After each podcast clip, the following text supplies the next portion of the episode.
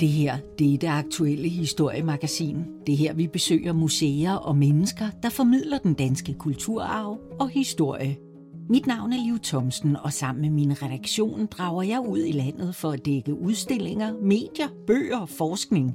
Alt det nye, der formidler alt det gamle. Denne gang har jeg taget Røde Kalli, som både er min bil og mit podcaststudie, ud til Vestre Kirkegård i Valby for at interviewe Erik Nikolajsen Høj.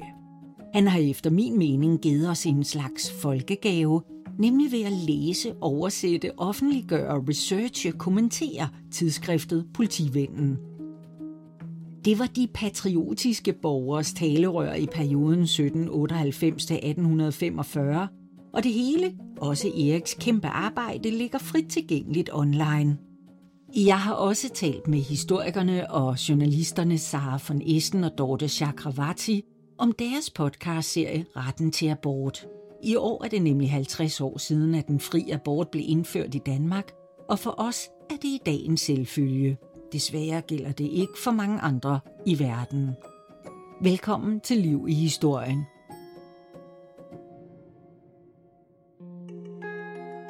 Første stop på turen er på Vestre Kirkegård i Valby. Det sted er udelukkende valgt, fordi Erik bor fem minutter derfra. Men det viste sig at give så meget mere mening, da jeg begyndte researchen. Hvorfor? Ja, det kan du høre nu.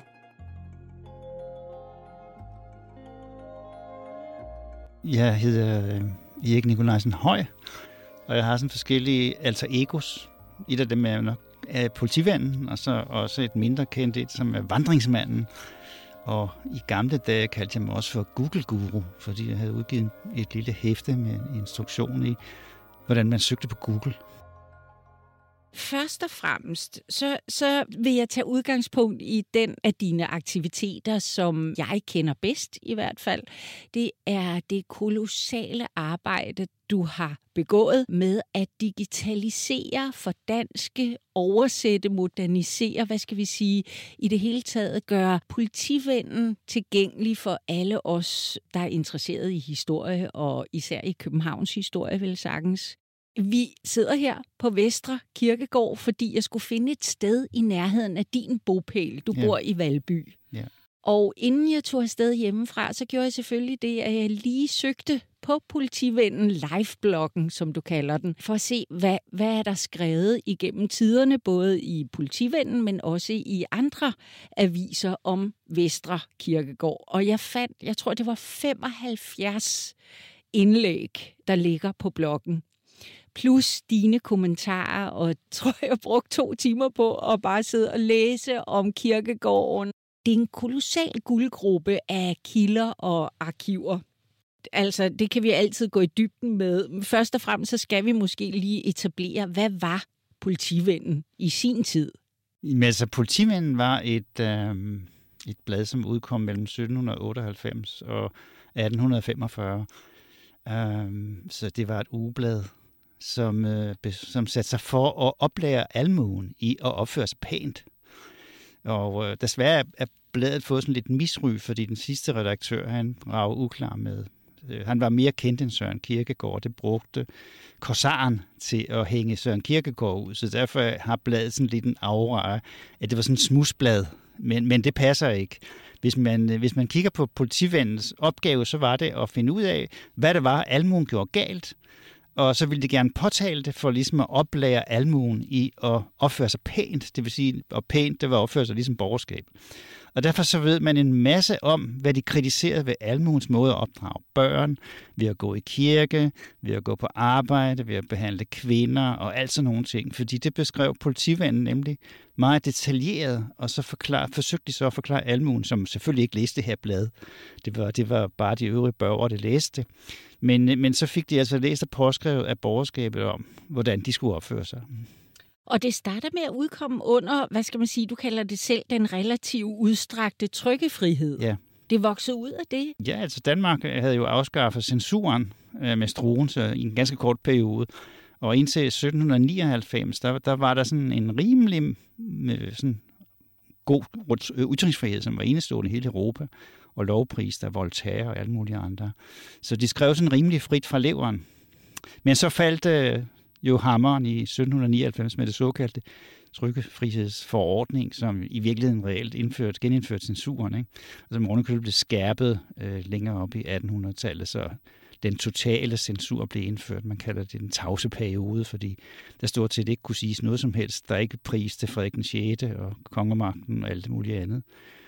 Øh, men, men bladet er altså fortsat med at udkomme, og, og fordi man jo ikke sådan decideret kritiserer noget andet end almuen, så blev det tolereret på trods af talrige retssager, og at en af redaktørerne røg 14 dage på vand og brød, hvad det ødelagde hans helbred.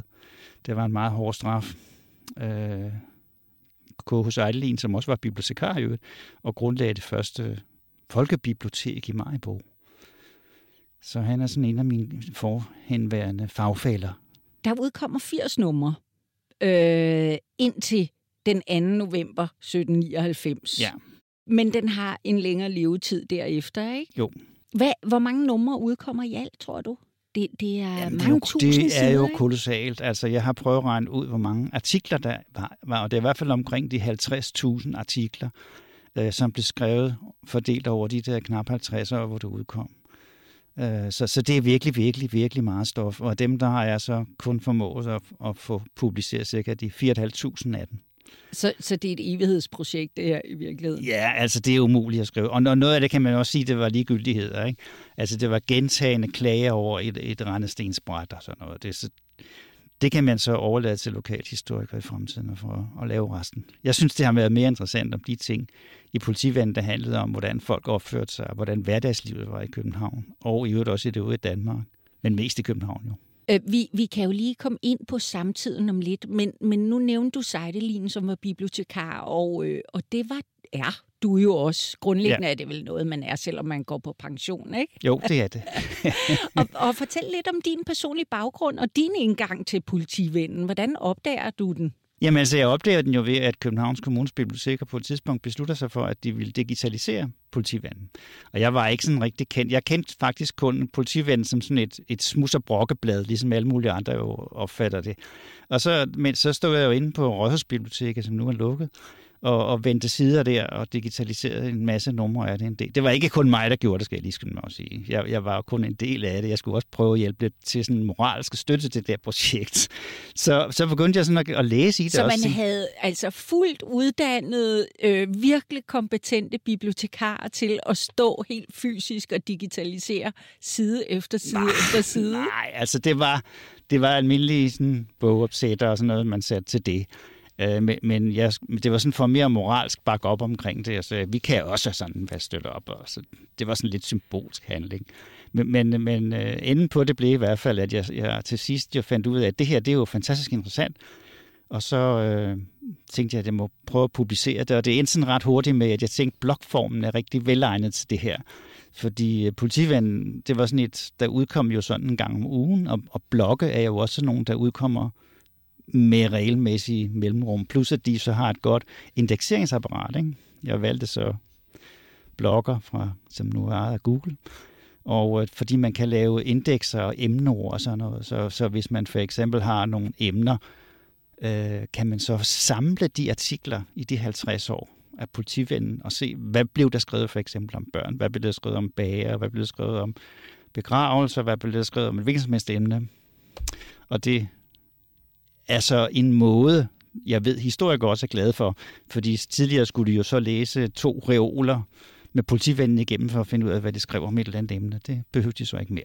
Nej, og det kan man jo se på forsiden af din blog. Der kan man jo simpelthen se alle de forskellige emneord. Øh, I hvert fald nogle af dem. Øh, du kigger sådan lidt bestyrtet på mig, fordi er det kun udvalgte emneord? Ja, det er nogle ud.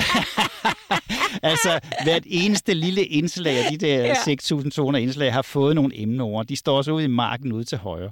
Og det er jo blevet sådan et stort monstrum, men, men det er jo ordnet alfabetisk, så det er jo ikke sværere, end man bare sådan lige kan bladre ned og kigge, hvad står der om slave, øh, slavegjorte, hvad står der om slaveri som fæstningsstraf og sådan noget. Det sjove er, at øh, jeg lavede endnu en søgning her i weekenden, øhm, og, øh, og det var oppe i sommerhuset i Kulhuse. Ja. Det er nemlig sådan, at der er bygningsarbejde på Frederik den 7. bro, den gamle bro i jeres pris. Og okay. det er der øh, mange, der brokker sig over. Det volder meget besvær, for jeg tror, det giver 10 minutters ekstra øh, køretid til øh, Frederikssund.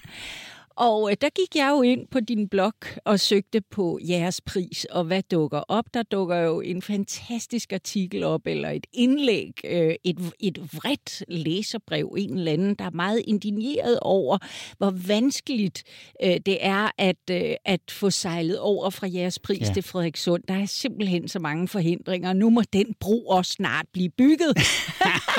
ja. og det er 1827, ikke? Ja. Øhm, jeg har et andet interview til det her øh, magasin øh, på torsdag, hvor jeg er i gang med at forberede mig. Det er øh, Dorte og Sara, der har lavet en øh, fin, fin podcast om, øh, om abortens historie, hvor de starter med sædlighedsfejden.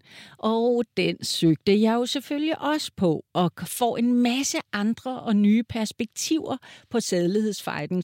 Øhm, jeg kan godt høre, at jeg er meget begejstret. Ja, ikke? ja det, det, det, det, er jo, det er jo glad for at høre. Ja, ja. Det er som sukker. Ja, men, men, men altså, var det noget, du gjorde i din fritid? det her? Eller hvad, var det kommunalt støttet? Nej, det er overhovedet ikke kommunalt støttet. Nej? Altså, det, det, ja, det, nu bliver jeg måske lidt privat, men øh, samtidig med, at jeg startede her med det her job, der bliver jeg faktisk syg. Ja. Jeg fik en meget alvorlig gigtsygdom, ja. som gjorde, at jeg lå vågen flere timer om natten. Det var omkring 2000 og 14, hvor jeg, hvor jeg sådan øh, havde øh, store smerter i armene, og så tænkte jeg, at jeg, jeg må lave et eller andet. Og så tænkte jeg, jamen jeg, jeg, jeg prøver bare at læse det der politivendt, som så i mellemtiden var kommet på nettet, så jeg kunne sidde klokken 3, 4, 5 stykker om natten, og så lave det her øh, politiven, og det, det hjalp mig øh, jo rigtig godt igennem, fordi jeg, nogle gange så jeg jo skraldgrinet, og så glemte jeg hele den her tragiske situation, jeg var i, og så kunne jeg gå ind og lægge mig efter nogle timer. Så de er sådan blevet til i nogle meget øh, sene nattetimer. Øh, så lidt kom der jo godt ud af det. Der, der er ikke sådan noget, der er så galt, der ikke er godt for noget, kan man sige. Og så da jeg blev pensioneret, så har jeg jo så øh, videreført hele det her projekt. Øh, indtil nu. Jeg gør, det, det arbejder jo stadigvæk på det. Altså. Ja, måske skulle vi have nogle tal. Øh, altså, fordi du, du nævnte 4-5.000 sider er indtil videre ja, 4-5.000 er politivandens artikler.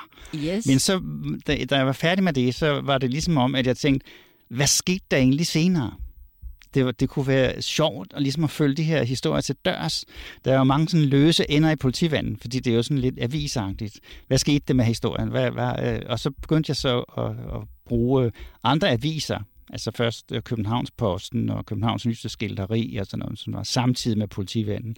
Men så gik det sådan helt over gevind til sidst. Jeg blev grebet af det. Det er det, du kalder efterskrifter, ikke? Ja, efterskrifterne, ja. Og de føler ligesom det der historie til dørs. Øh, og det, det er jo en umulig opgave, fordi de fortsætter også op i vores tid. Men jeg synes alligevel, det er sjovt sådan ligesom at følge de her historier. Hvad skete der med kvinderne? Hvad skete der med børnene? Hvad skete der med sociallovgivning? Hvad skete der med fængselsvæsenet? Hvad skete der med hele, alle de her ting, som, som øh, Danmarks historiens drivkraft er, er lavet af bagefter.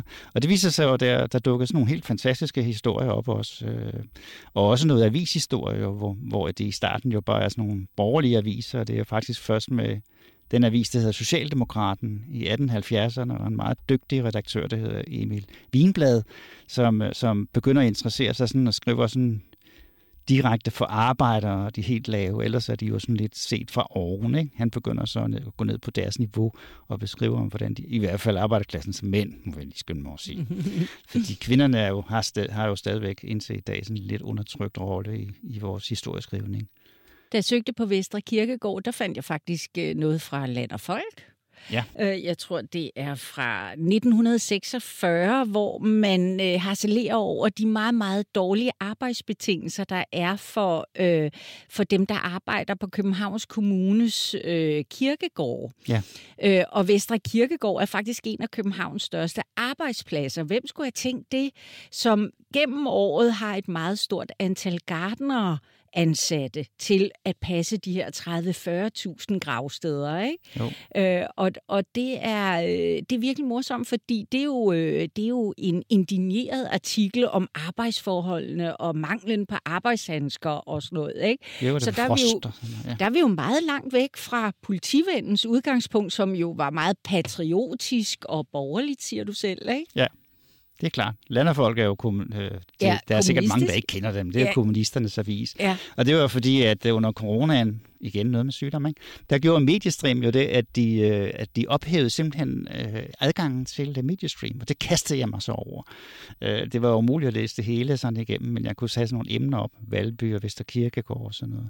Og når nu du siger, at det er 75 artikler, så er det kun de 75 artikler, som handler om selve kirkegårdens historie. Ja.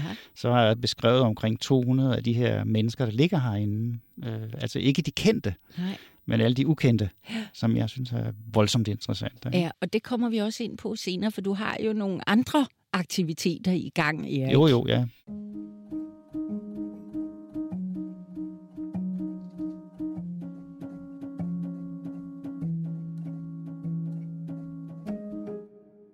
Jeg tænker, øh, det må kræve kolossalt meget, øh, øh, først og fremmest nørderi jo, men vel også disciplin at etablere det simpelthen og gøre det tilgængeligt for os andre. Jo, men nu er nu, som du også sagde i starten og spurgte mig om, hvad jeg var, jeg er bibliotekar. Så det og, følger med jobbet? Ja, det, det, det, det er ligesom meget nemt for mig at finde tingene frem. Jeg kender, hvilke søger. Jeg er også Google, Google, eller var i hvert fald i sin tid. Så jeg er ret god til at søge på Google. Ja. Og det er bibliotekar jo sådan rent generelt også. Så jeg ved nogenlunde, hvad for nogle smutveje, jeg skal tage for at komme frem til det, jeg gerne vil have. Men du skaber jo også et slags narrativ. Altså, du, du forsøger jo netop med dine efterskrifter og dine kommentarer at øh, perspektivere de her øh, artikler og indlæg, ikke? Jo. Altså, du skaber jo historier simpelthen. Jamen det er jo fordi, at mange af de artikler, som, altså specielt dem, der er meget gamle, der tænker folk, at sådan er det jo også i dag. Og så prøver jeg ligesom at, forklare øh, med de, de ting, jeg så frem. Nej, det er det ikke. Det var en anden tid, det var en helt anden kontekst, og specielt var det et helt andet verdenssyn, der var dengang. Under enevælden for eksempel. Der er mange, nu så jeg lige i går, hvor, man, hvor der var stået noget inde på Christiansborg, eller slutter Amalienborg Slotsplads og hyldede dronningen og ser dronningen som et symbol på dem, der samlede hele Danmark gennem tiderne. Og, og de, de har i hvert fald ikke læst politivanden, fordi hvis der er nogen, der ikke samlede Danmark, så var det sørme den danske kongerække. Det er sådan først noget, der er sket med Frederik 9. og, og dronning Margrethe, at de ligesom prøver at være sådan et samlende punkt. Ellers har kongerne jo været, altså Frederik 6. ham tror jeg, hvis man vi skulle beskrive ham sådan mere præcist, hvem han var for en fyr, så vil man sige, at han var øh, sådan øh, overhovedet for et militærdiktatur, og, og måske rundekøbet nu håber jeg ikke, jeg får dronningen på nakken eller majestætsfornærmelse, men vi kalder ham en militær, militærdiktator. Altså han, han minder meget mere om en moderne militærdiktator end dronning Margrethe. Øh, og sådan var forholdene også. Det var bygget på vold eller trusler om vold. Sådan var, var samfundet dengang sat sammen. Så dit Så. ærne er i virkeligheden at punktere myterne og den romantiske forestilling om Danmark? Ikke sådan bevidst. Altså, fordi jeg er ikke ude efter nogen, der gerne vil opleve Danmarks historie som sådan noget, noget national romantik og national historie og sådan noget. Jeg er mere ude efter, at man sådan ligesom prøver at, at nuancere historien lidt. Og, og prøve ligesom at, at, at, at være opmærksom på, hvad er det egentlig, vi siger. Altså, øh, fordi det behøver jo ikke at være en suspekt ting at kende sin historie. Øh, jeg synes så, det man bør overveje alle de der floskler, der, altså for eksempel det om dronningen og kongehuset og sådan noget. Kongehuset er jo vildt meget i vælten nu. Ikke? Altså, hvis man skal bare sige kongehus, så vælter det ud med fjernsynsudsendelser og podcast og alt muligt andet. Jeg tror heller ikke, du var særlig tilfreds, da jeg lavede min dronningeserie. Jo, altså jeg er da ligeglad, hvad du lavede. Jeg, jeg, jeg, jeg så den bare ikke. Det, det, det må jeg godt indrømme. Ikke? Til gengæld, så tror jeg, du har set, da jeg lavede Danmarks historien på Vrangen, for eksempel. Ja, ja, og Luder ja. og Lommetyv og alt det der, du ja, har lavet om. Det har jeg set med ja. historien. Og dengang ja. vi var bønder, de der, ja, ja, altså, du, har, ja. du er også mit store forbillede ja. på den måde. Altså, jeg har lært meget af den måde, ligesom at sige, jamen, jamen, det er jo de almindelige mennesker, der skaber Danmarks historien. At så kongerne og alle de andre tager æren for det, jamen skide hvad med det, det må de godt. Men jeg vil så også bare gerne have lov til at give dem credit, som credit gives skal. Og det er det, du bruger efterskrifterne til, så tænker jeg, fordi ja. at politivennen, som du siger, du har også fundet usandheder i politivennen, og det, det bare det navn, politivennen, ja. øh, indikerer jo, at det er autoriteternes og myndighedernes organ, ikke? Politivennen er ligesom et negativ. Altså, det er sådan en negativ af en nogle bestemte situationer. Og ligesom fotografi selvfølgelig også er, er hvad hedder det, manipulerende, så er de trods alt et fotografi. Og det, som jeg så prøver, det er at lave det her negativ om til et rigtigt foto, altså se et positivt, til et, et lysbillede, så man kan se, hvad er det egentlig, der er på det her negativ. Og det gør jeg ved mine anmærkninger, som jeg kalder det, ved at sådan sætte det ind i en sammenhæng og forsøge at forklare, hvad, hvad er det egentlig, de siger her? Hvad betyder det, når de siger sådan og sådan? Så du oversætter ikke, altså du fordansker ikke bare sådan, hvad skal man sige, fra gotisk til nudansk. Øh, du gør det også fra øh, kontekst. Ja. Ja, til Jeg har prøvet sådan at være sådan totalitær i de der anmærkninger, forstået på den måde, at jeg har prøvet både at oversætte det fra den gotiske skrift, som er svært at skrive, og til et mere moderne sprog, som jeg tror, de ville have skrevet i, hvis de havde skrevet i dag. Og det er der nogen, der kan sige, at det er lidt vold på det gamle sprog. Ja, det er det. Men hvis det blev skrevet, som det stod i politivennen, så var der ikke en kæft, der ville forstå, hvad det var. Så jeg har prøvet at omskrive det til noget moderne dansk, som ligger så tæt på det, det sprog, som folk forstår umiddelbart. Og hvis de vil se originalen, så kan de jo altid gå tilbage og kigge i den. Det er det. Men har du mødt kritik for din metode? Nej, altså, faktisk ikke.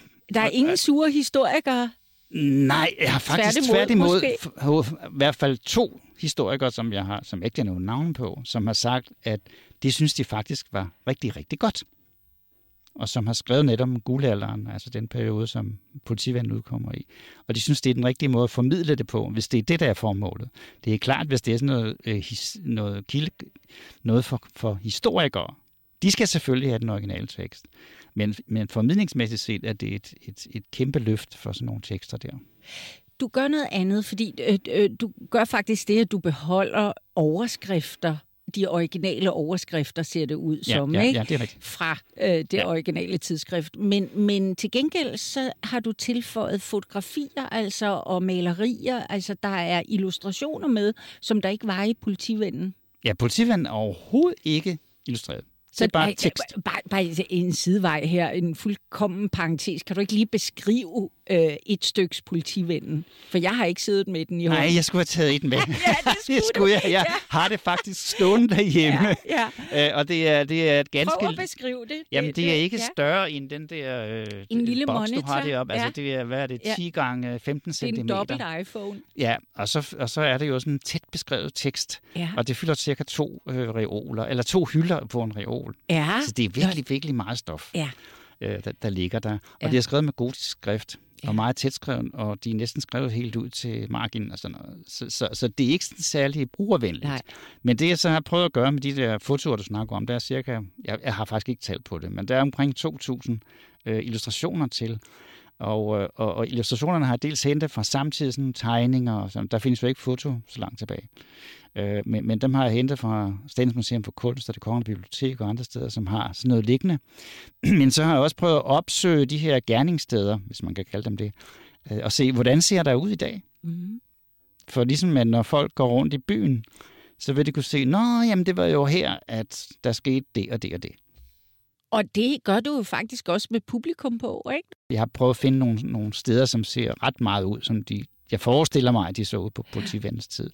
Og fortæller om de, de historier fra politivanden, som skete lige præcis der. Okay. Ja. Ja. Og fortæller selvfølgelig også, hvad der er ændret og, og alt sådan noget.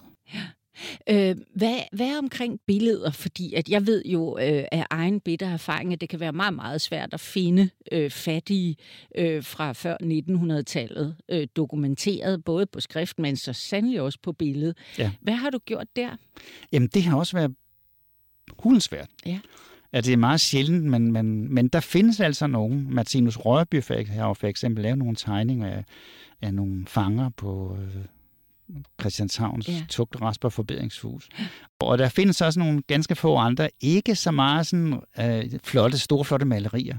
Men det er mere sådan nogle øh, tegninger, som hvad hedder det, berømte malere har lavet som sådan jeg ved ikke, hvordan, hvor- hvordan de har lavet det, men de har sandsynligvis bare sådan siddet øh, og, og kigget der og, og set nogle ting, og så lavet nogle skitser. Det er så nogle ting, der faktisk godt kan findes. Så de er alle sammen postet over i politifanen. Ja, og så har det vel også hjulpet dig nu, at øh, I jo været nogle af de første, der har stået der og digitaliseret. Hvornår begyndte arbejdet med digitaliseringen af politivennen? Det har været, du sagde 2000? 2014, tror jeg. 2014, ja, ja. okay.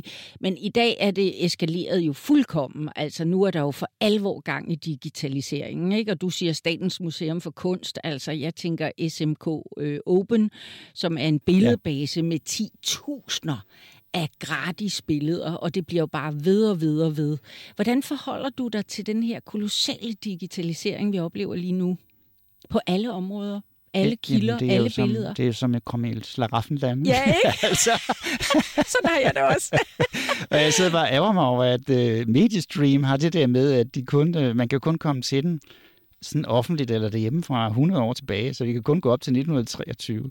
Så, så det var ligesom at komme i Raffenland, da de her under coronaen to gange lukkede op i en måned der. Ja. Altså, det var, ja. det var jo fantastisk.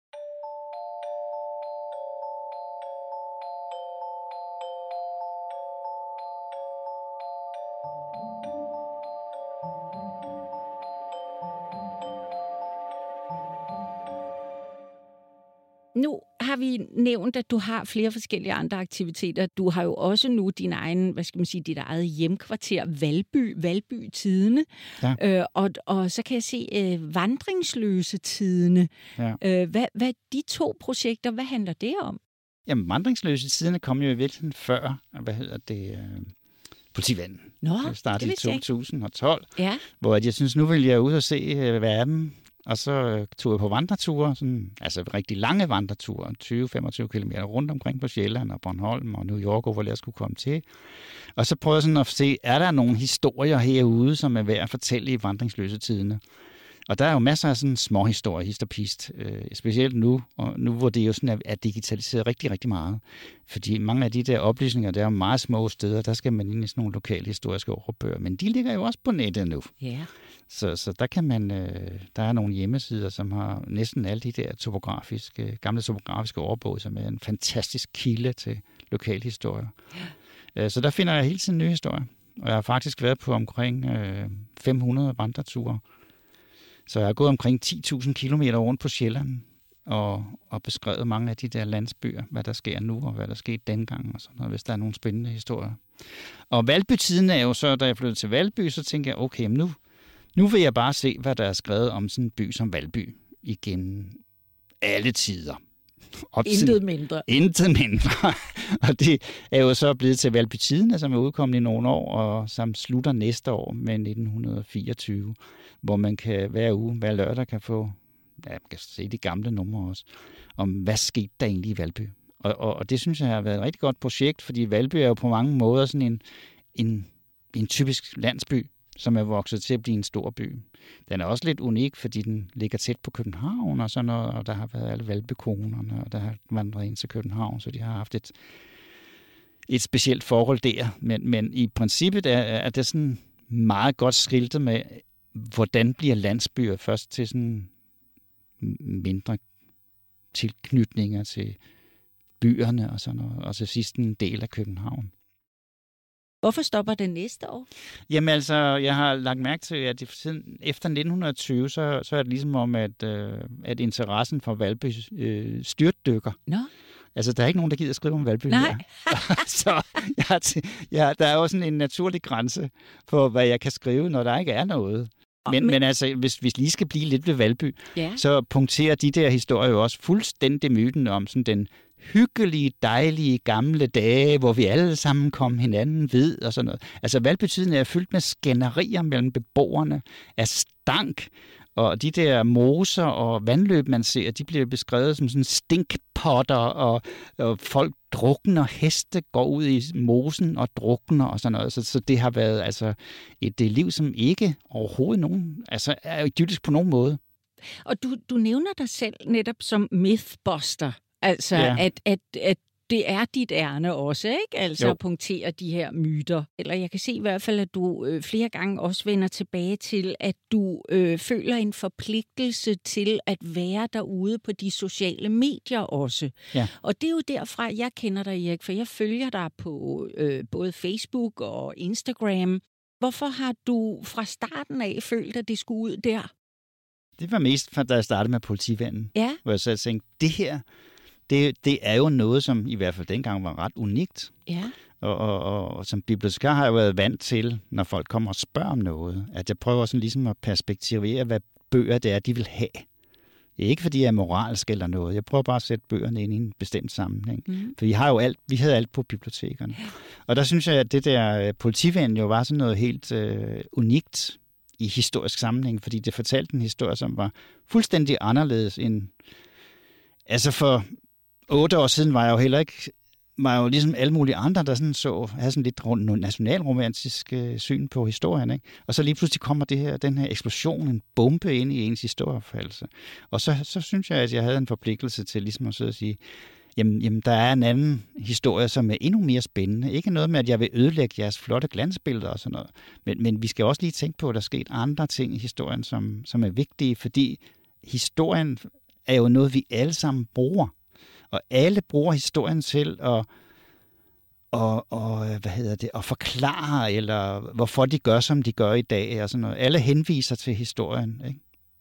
som en eller anden form for argumentation for, hvorfor de vil gøre sådan og sådan og sådan.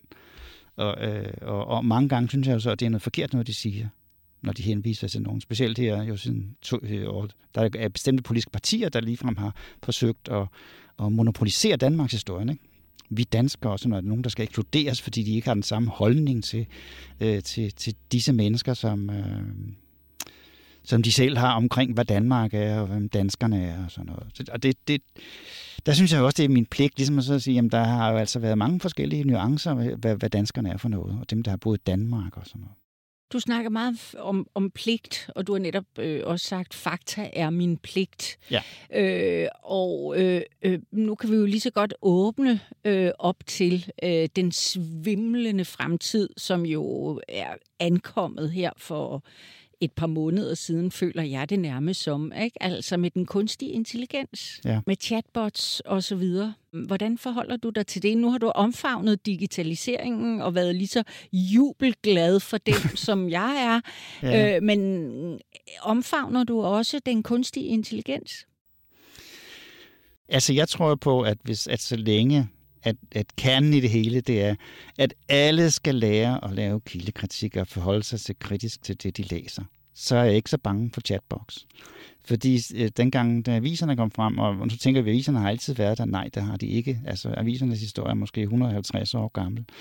Øh, og de er ikke troværdige, de er ikke troværdige kilder. Ligeså vel er internettet heller ikke en troværdig kilde. Man skal hele tiden øh, være kritisk over for det, man læser, og finde nogle metoder, øh, og give de unge nogle metoder. Lærerne skal lære eleverne nogle kritiske metoder til at gå til det, som de læser. Øh, så tror jeg ikke, der kan være de store problemer ved noget. Så vil, øh, hvis man gør det rigtigt og gør det massivt, så, så vil de unge jo selv vælge fra, hvis de kan se, at det her det er noget lort. Og hvis chatbox så er noget lort, det ved jeg jo ikke, om det er. Og det kunstig intelligens er noget lort. Men det kan jo også være, at det er noget godt. Altså nu så jeg formanden for Dansk Lærerforening, hun sagde, at det må, det må vi overlade til regeringen. Det, det, jo, selvfølgelig skal regeringen også forholde sig til det. Men jeg synes altså også, at danskerne må til at tage sig sammen. Undervis nu de elever i kildekritik for satan i helvede. Altså, jeg har under, i, den sidste år, i de sidste par år inde på hovedbiblioteket, der var ansat derinde, der øh, var, gik, rejste vi rundt, øh, to mennesker, en meget, meget god kollega, og underviste i kildekritik i udskolingen og i mellemskolen. Og eleverne slugte det jo. De var fuldstændig vilde mm. med det der kildekritik. Ja. Ikke? Så der er en interesse for det. Øh, men det er jo ikke meningen, at, at det skal komme ud fra. Det er jo læreren, der selv skal uddanne sig til den der kildekritik og, og lægge det ind i undervisningen.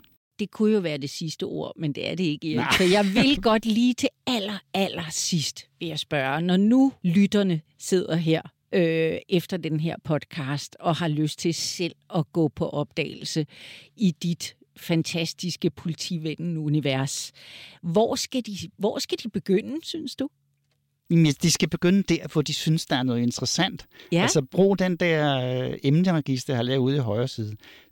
Øh, kør det igennem, det tager ikke mere end et par minutter, og se om der ikke er nogen emner, der øh, interesserer. Så klik på det, se de artikler, der kommer frem. Det kan også være noget andet, hvis de synes, jamen jeg kunne godt tænke mig at vide noget om år, dit og dat, 1922. Jamen så klik på årstallet 1922 og kig på de artikler, jeg har øh, valgt ud fra 1922.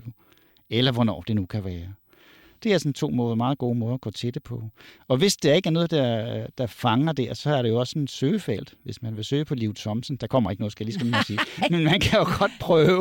Uh, så kommer der ikke noget, men, men der er så mange andre ting, de måske kunne øh, være interesseret i at søge i.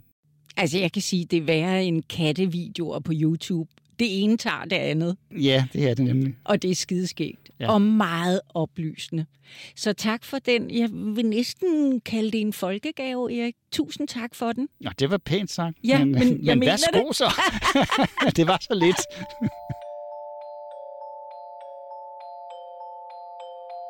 Du finder Politivennen med alle Eriks kommentarer og efterskrifter på Politivennen live blog. Giv dig selv lov til at opleve hans kolossale bedrift, men pas på, det ene tager det andet, og pludselig er der gået flere timer. Per Bulak stod for teknik og lyd, og musikken, den var af Upright Music. Du kan støtte os ved at skrive en anmeldelse, forhåbentlig god, og like og dele vores forskellige indslag, så vi kan blive ved med at skabe liv i historien på alle platforme.